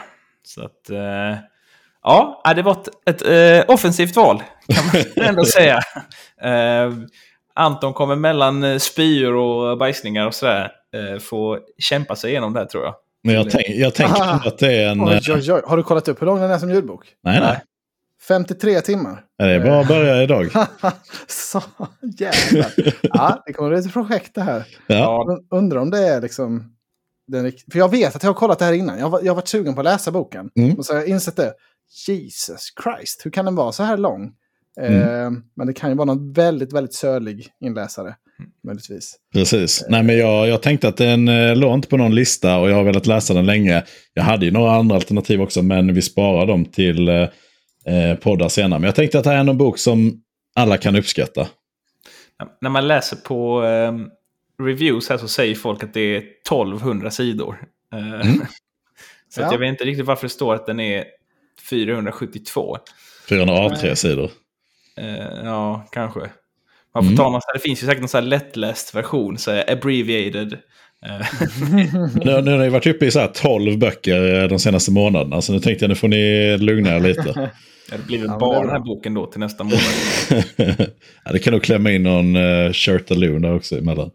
Uh. Oh, de är också långa tyvärr. De är, de är också typ 1000 eller 900 sidor. Ja, men de läser man å andra sidan på tre dagar utan några problem. Så vi får väl se om, uh, om den här är lika härlig. Ja, kul projekt. Kanske inte riktigt in the spirit av eh, upplägget som vi har i den här podden. Men... Det, står att, det står att den är 460 000 ord. Och ja. då ska jag säga så att Brandon Sanderson, han, hans, hans längsta titlar brukar vara ungefär samma, 450 000. Och han säger att de är så stora så det går liksom inte binda in de böckerna knappt längre. Mm. För, de, eh, för de är för tjocka. Eh, men den jag har fått av dig Sebbe är ju inte så stor Nej, ändå. Jag tror det är jätteliten text. Jag måste ta... Oj klippar Sebbe får komma fram här lite sen. Jag måste titta. Oh, jävlar vad lite text det är! Oh, alltså det är som en psalmbok. Eh. Alltså, ja. oh, jävlar. Jag, jag, blev, alltså jag, jag, hade förväntat mig liten text men jag blev chockad nu. Jesus Christ. Okej, okay, och den är, alltså det här är den minsta texten ni någonsin har sett. Och min utgåva är 1000, 1055 sidor lång. Ja, det är, det är ganska lite. Alltså hade du haft en normal size bok så hade det också kanske varit mer normal size text. Mm. Ja. Ja, det är bara att sätta igång vi idag. Ger, vi ger ett försök. Ja, äh, det var lite dålig stil kan jag tycka. Kul val, äh, men dålig stil. Ja, det Dåligt researchat känner jag. Ja. Till nä nästa gång ska jag välja Bibeln. Så att det bara liksom att... det är inte jag som klagar, det är ni som klagar på längden. Ja. Ja. Um, ja, kul. Då får man väl den kanske man ska köpa. Mm. Ja, den, är ju, den editionen jag fick av dig så är ju väldigt vacker. Mm. Det, den är ju trevlig att ha framme. Jag hade ju inte någon illusion om att du skulle läsa den när jag köpte den, utan jag köpte just den för att den skulle vara fin och ge dig lite cred när den står i din bokhylla. Men ja. vad bra, då jag förutsåg uh, Öres Precis. Och det var ju faktiskt till och med då vi rekryterade dig till den här podden, när du fick den tror jag, på din ja, fest. Så mm. jag hade ju planerat att ta med mig en fysisk bok till eh, förlossningen nu då. Om, jag, om, om ja. det blir någon fritid, eh, det, det, ska jag säga, det kanske inte blir. Men eh, då får jag väl ta den här istället. Det blir perfekt. Jag satt ju när Noah kom, så satt jag ju, för vi åkte ju dit mitt i natten. Mm. Då hade jag ju med mig en bok som jag satt ute, för jag fick inte följa med in på grund av covid. Så jag satt ju ute i någon ah. korridor. Eh, alltså sen under födelsen fick jag följa med in, men mm. när de gjorde första preliminära tester och kolla liksom om det var dags eller inte, då fick, satt jag ju själv typ klockan halv tre på natten ute i en sjukhuskorridor. Då satt jag ju och läste en fysisk bok som jag hade med. Så det, mm, men då jag tänkte att det kan bli något sånt ja, läge. Det, sen under själva förlossningen kommer det nog inte vara så Eh, då kommer jag fullt upp med att... Den enda uppgiften jag hade var ju servera vatten typ. Rebecka ville inte att man skulle röra på henne eller något sånt när hon föddes. Så jag var typ så här, lite då och då så skulle jag fråga vill du ha vatten? Och till och med det misslyckas jag med. Jag har aldrig känt mig så, så eh, meningslös som under förlossningen. Så att jag, jag har faktiskt jag... läst en bok också om hur jag ska förbereda mig inför detta. Men den, jag tar inte upp den. Men eh, jag har försökt göra vad jag kan, men det känns eh, svårt. Jag kan förstå det. Mm. Ja. ja. då har du något att bita tag i. Om det inte räcker med att bli eh, förstagångsförälder så har du ett annat litet projekt här då den närmsta månaden. ja, det var nice. Jag också klara Legend of Zelda som har släppts nu. Tidernas bästa spel enligt många. Så mm. det, är, det är mycket stora projekt nu igång. Mm. Ja. Um, ska vi också prata om, om månadens bok då? Uh, vad tyckte du Dörre? Ja, just det, du har inte läst den. Den var dålig. Dra igång ditt försvarstal nu här är det. det jag sa ju, jag sa ju det innan. Jag, jag fick ingen påminnelse om när det var podd. Jag, jag har hela tiden tänkt så här. Det, det, är alltid 20, 20 någonting, 22, 23 eller något sånt. Men eftersom vi har spelat in så många avsnitt nu så har det liksom sjunkit hela tiden. Så nu helt plötsligt så var det inte den 20 utan det var tidigare. Ja, men eh, du och jag kan väl dra. Och var... sen till mitt försvar också så skrevs det ju om när vi skulle spela in men jag fick inte vara delaktig i den chatten. Nej, tydligen skrev Sebbe bara till mig. Precis. Jag vet, jag vet faktiskt inte varför jag gjorde det. Jag ber om ursäkt. Ja. En, eh, jag trodde också att det var nästa vecka nämligen. Men mm. det är ju så att fyra veckor är ju visst mindre än en månad. Mm, så är det. Så det har jag lärt mig nu. effekt av den. Mm. Eh, det var skönt att det var den här månaden i alla fall så att det, eh, det inte var någon viktig bok jag missade. Det lämnar jag över till er. Mm. Ja men det är bra. Vi har ju läst då, nu har jag den svenska editionen framför mig, Stenens väktare. Vad heter den på engelska nu igen? Pawn of Prophecy. Just det. Eh, första boken i serien om Belgariad av David Eddings. Som är en, en av de stora fantasy-giganterna från, från förr. kan man säga. Den är skriven på 80-talet från början. Mm. Mm. Och eh, jag har ju då som sagt läst den i fysisk form på svenska till stor del. Eh, för jag fick, hade fått låna det av en kompis, eh, den varianten. Och det var väldigt, alltså på tal om eh, liten text, så var det väldigt mycket som att läsa en bibel nästan, den svenska översättningen. Det var väldigt eh, teatraliskt och gammalmodigt språk. Mm. Eh, men det, jag tyckte det passade något sätt lite berättelsen. Men jag läste, jag läste några kapitel på engelska också bara för att få mig en uppfattning. Jag tyckte den kändes mycket mer modern på engelska. Men jag vet inte vad du kände. Jag reflekterar inte alls kring det. Eh, nej, Förutom nej. att på ett ställe så är det till och med en av karaktärerna säger typ så här, sluta säga vi och där. Alltså så här, typ säger till någon att sluta prata som att de är skitnödiga och prata mm. mer vanligt. så att, äh, jag tyckte det var tvärtom väldigt enkelt språk. Nästan, jag tyckte nästan det kändes som att det var en, en, en young adult. Ja. ja, men jag höll med när jag läste på engelska. Men på svenska var det väldigt mycket så inte någon fara, min gode unge man. Eller, jag, kan, mm. jag hade inget bra exempel nu, men det var verkligen bibliskt eh, kändes det, tyckte jag. Eh, och jag tyckte det passade historien, för det, är ju, det märks att det här är en av de första fantasyberättelserna, eller vad man ska säga. Det har ju, det har ju hänt mycket sedan den här boken skrevs och publicerades. Mm. Eh, jag vet inte var vi ska börja. Det, det är ju liksom en klassisk Tolkien-like kan man säga om en, en ung pojke liksom i en sagovärld, fantasyvärld eh, som inte riktigt vet, vet så mycket om världen, men hans öde verkar ju vara större än vad han vet om. Och så är det någon Gandalf-liknande magiker som hjälper honom. Och, ja, jag vet inte, kan du presentera berättelsen bättre än så? Jag har preppat dåligt känner jag. Nej, men alltså...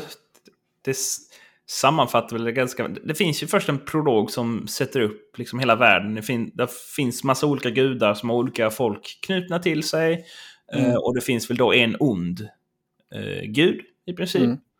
Och uh, så handlar det mycket om, det finns ju då, vad heter den, Stenens väktare, eller vad heter den på... Ja. Ja, att det, det begås en stöld, det är liksom en, en, en mäktig artefakt eller då, en sten liksom som, eh, som stjäls. Och det är väl det som är liksom hela den här, stora konflikten då som ligger i bakgrunden. Medan i den här första boken så handlar det då väldigt mycket om, alltså egentligen, det kändes ju, det var ju väldigt mycket en första bok. Det är en presentation, presentation då av karaktärerna och av världen. Han lever mm. ett väldigt stillsamt liv och sen så dras han upp ur det och får liksom träffa massa andra människor och uh, kungar och sådär. Uh, ja, alltså det är, ju, det är ju knappt den första. Det är ju, alltså om det här varit, hade varit en modern bok, äh, fantasybok så hade det, det här kanske varit första akten då av en modern bok. Eh, Exakt så kände jag också. Att jag kände att det här, den skulle varit dubbelt så lång kanske, eller trippelt ja, så lång. Ja. För att nu, det man fick läsa i den här boken, det var ju verkligen bara en introduktion till... Det hände ju ingenting fett överhuvudtaget. Nej. det, nej, det, det, är problemet. Man känner så här, man, nästa bok kan säkert bli fet. För nu har mm. de liksom introducerat uh, karaktären och sådär. Men det hände ju typ ingenting överhuvudtaget i, i första boken av intresse. För att hända så lite så är det otroliga mängder med exposition. Alltså det är så mycket olika kungariken och det är så många mm. olika kungar. och ja, alltså det hade behövt streamlinas väldigt mycket. Det man behöver inte ha två olika liksom, folkslag som är onda på samma sätt och sen sju olika eh, typer som är på den goda sidan. Äh, det var väldigt rörigt. Alltså man, mm. man fattar ju på ett ungefär, men det var, det var, det var, det var, den hade inte åldrats jätteväl i den i det hänseendet heller. Jag fick inte, heller, jag fick inte grepp om de olika folkslagen och, och jag förstod Nej. riktigt vad... För när det var något, någon liksom, de var jätteonda och sen fanns det något prästerskap där som väl var liksom de värsta. Alltså, men jag tyckte det var lite svårt att mm. få grepp om. Och som sagt, det hände ju inte så himla mycket. Det är ju liksom en spoiler, men det känns som den stora liksom, upplösningen. Ja, då blev det liksom, det var någon då åsidosatt jarl som kom och ville ta över makten i något kungarike och då blev han jagad in i någon liksom konstig garderob eller rum och så försvann han och helt plötsligt bara dök han upp och så kunde han höra. Jag vet inte, det var liksom så här. Det kändes lite fattigt. Det var en fattigmansfantasy tyckte jag. ja, men verkligen. Men med det sagt tycker jag så kommer jag ändå nog läsa klart den här serien nu har jag tänkt när man väl har börjat. För det är ju det är fem delar. Alla är väl då förhållandevis korta, ungefär som den här första. Det var väl en 250 sidor ungefär med eh, inte så liten text. Så det gick väldigt snabbt att riva av och det är ju en av giganterna, alltså på grund av att det var en av de första. Mm. Eh, så jag, vill, jag, jag har nog tänkt att jag ska läsa klart allt. Jag vet inte vad du... Ja, men jag ska nog också göra det. Det känns som en relativt liten tidsinvestering liksom för, mm. För att ändå sett, kunna säga att man har läst den. Men, ja. och, och, jag har ju ändå förhoppning om att det kommer bli, nästa blir nog mer liksom, fan, alltså, magi och, och action och så än vad mm. första mm. var. Det finns ju någonting där uppenbarligen eftersom den har blivit så stor. Men första ja. boken, man får nog ha lite överseende med att det är Alltså i och med att den är så pass kort, jag tror det är det som är problemet. Att man är van nu vid att de flesta liksom, Epic Fantasy är ju liksom 600, 700, 800 sidor långa. Mm. Och det är klart, då hade man gjort det här på de första 250 sidorna och sen så hade man kunnat... Det hade kanske blivit bok 1 till 3 liksom. Mm. Um, så man kan få läsa de tre första böckerna och sen säga liksom... Vad är det? Är det fem jag, stycken? Jag tror det är fem i alla fall. Och sen finns det så lite uppföljande serier och sånt. Men den första liksom original den riktiga är fem mm. böcker. Eh, och jag, eh, alltså när jag började lyssna på poddar sent 2000-tal, då nämndes alltid, alltså, för då var det, jag lyssnade på mycket olika gamingpoddar och nördpoddar och sånt där. Och då nämndes alltid som ett skämt att eh, varje gång det talades om fantasy så nämndes det då Robert Jordan och eh, David Eddings. Som mm. att liksom, så fort någon sa något om att de hade läst något fantasy, så, ah, är det David Eddings eller? Är det Robert mm. Jordan? Så de, de var väldigt mycket samma i min, i min hjärna hela tiden. Och sen har vi ju läst alla då Wheel of Time och Robert Jordan. Och de har ändå åldrats betydligt bättre Väl, ja. mm. utifrån mitt eh, perspektiv. De är ju lite senare, men den här kändes ju väldigt mycket mer... De är ju också eh, betydligt längre, känns som. Jag menar, min, ja. min känsla från den första Wheel of Time-boken var ju att den var mycket fetare. Där mm. hände ju ändå grejen. Här mest liksom det hintas om att man förstår ju att han kommer ju bli the big cheese, liksom eh, Garion, eh, huvudkaraktären. Det fattar man ju. Mm. Men än så länge det... är han ju bara skittöntig. ja. Eh, nej, men det var ingen vidare. Jag, jag är förvånad över att den har så bra på Goodreads. Den hade ju över fyra. Så ja. Jag trodde inte den här skulle ha fått så varmt eh, omdöme där. Det är ändå liksom en modern Men det är säkert bara för att jag tänker alla som har läst den här för länge sedan. Man läste den när man var barn och så kan man den var, den var ja. bra. Och så skaffar man Goodreads och så ger man den liksom en femma by default på något sätt.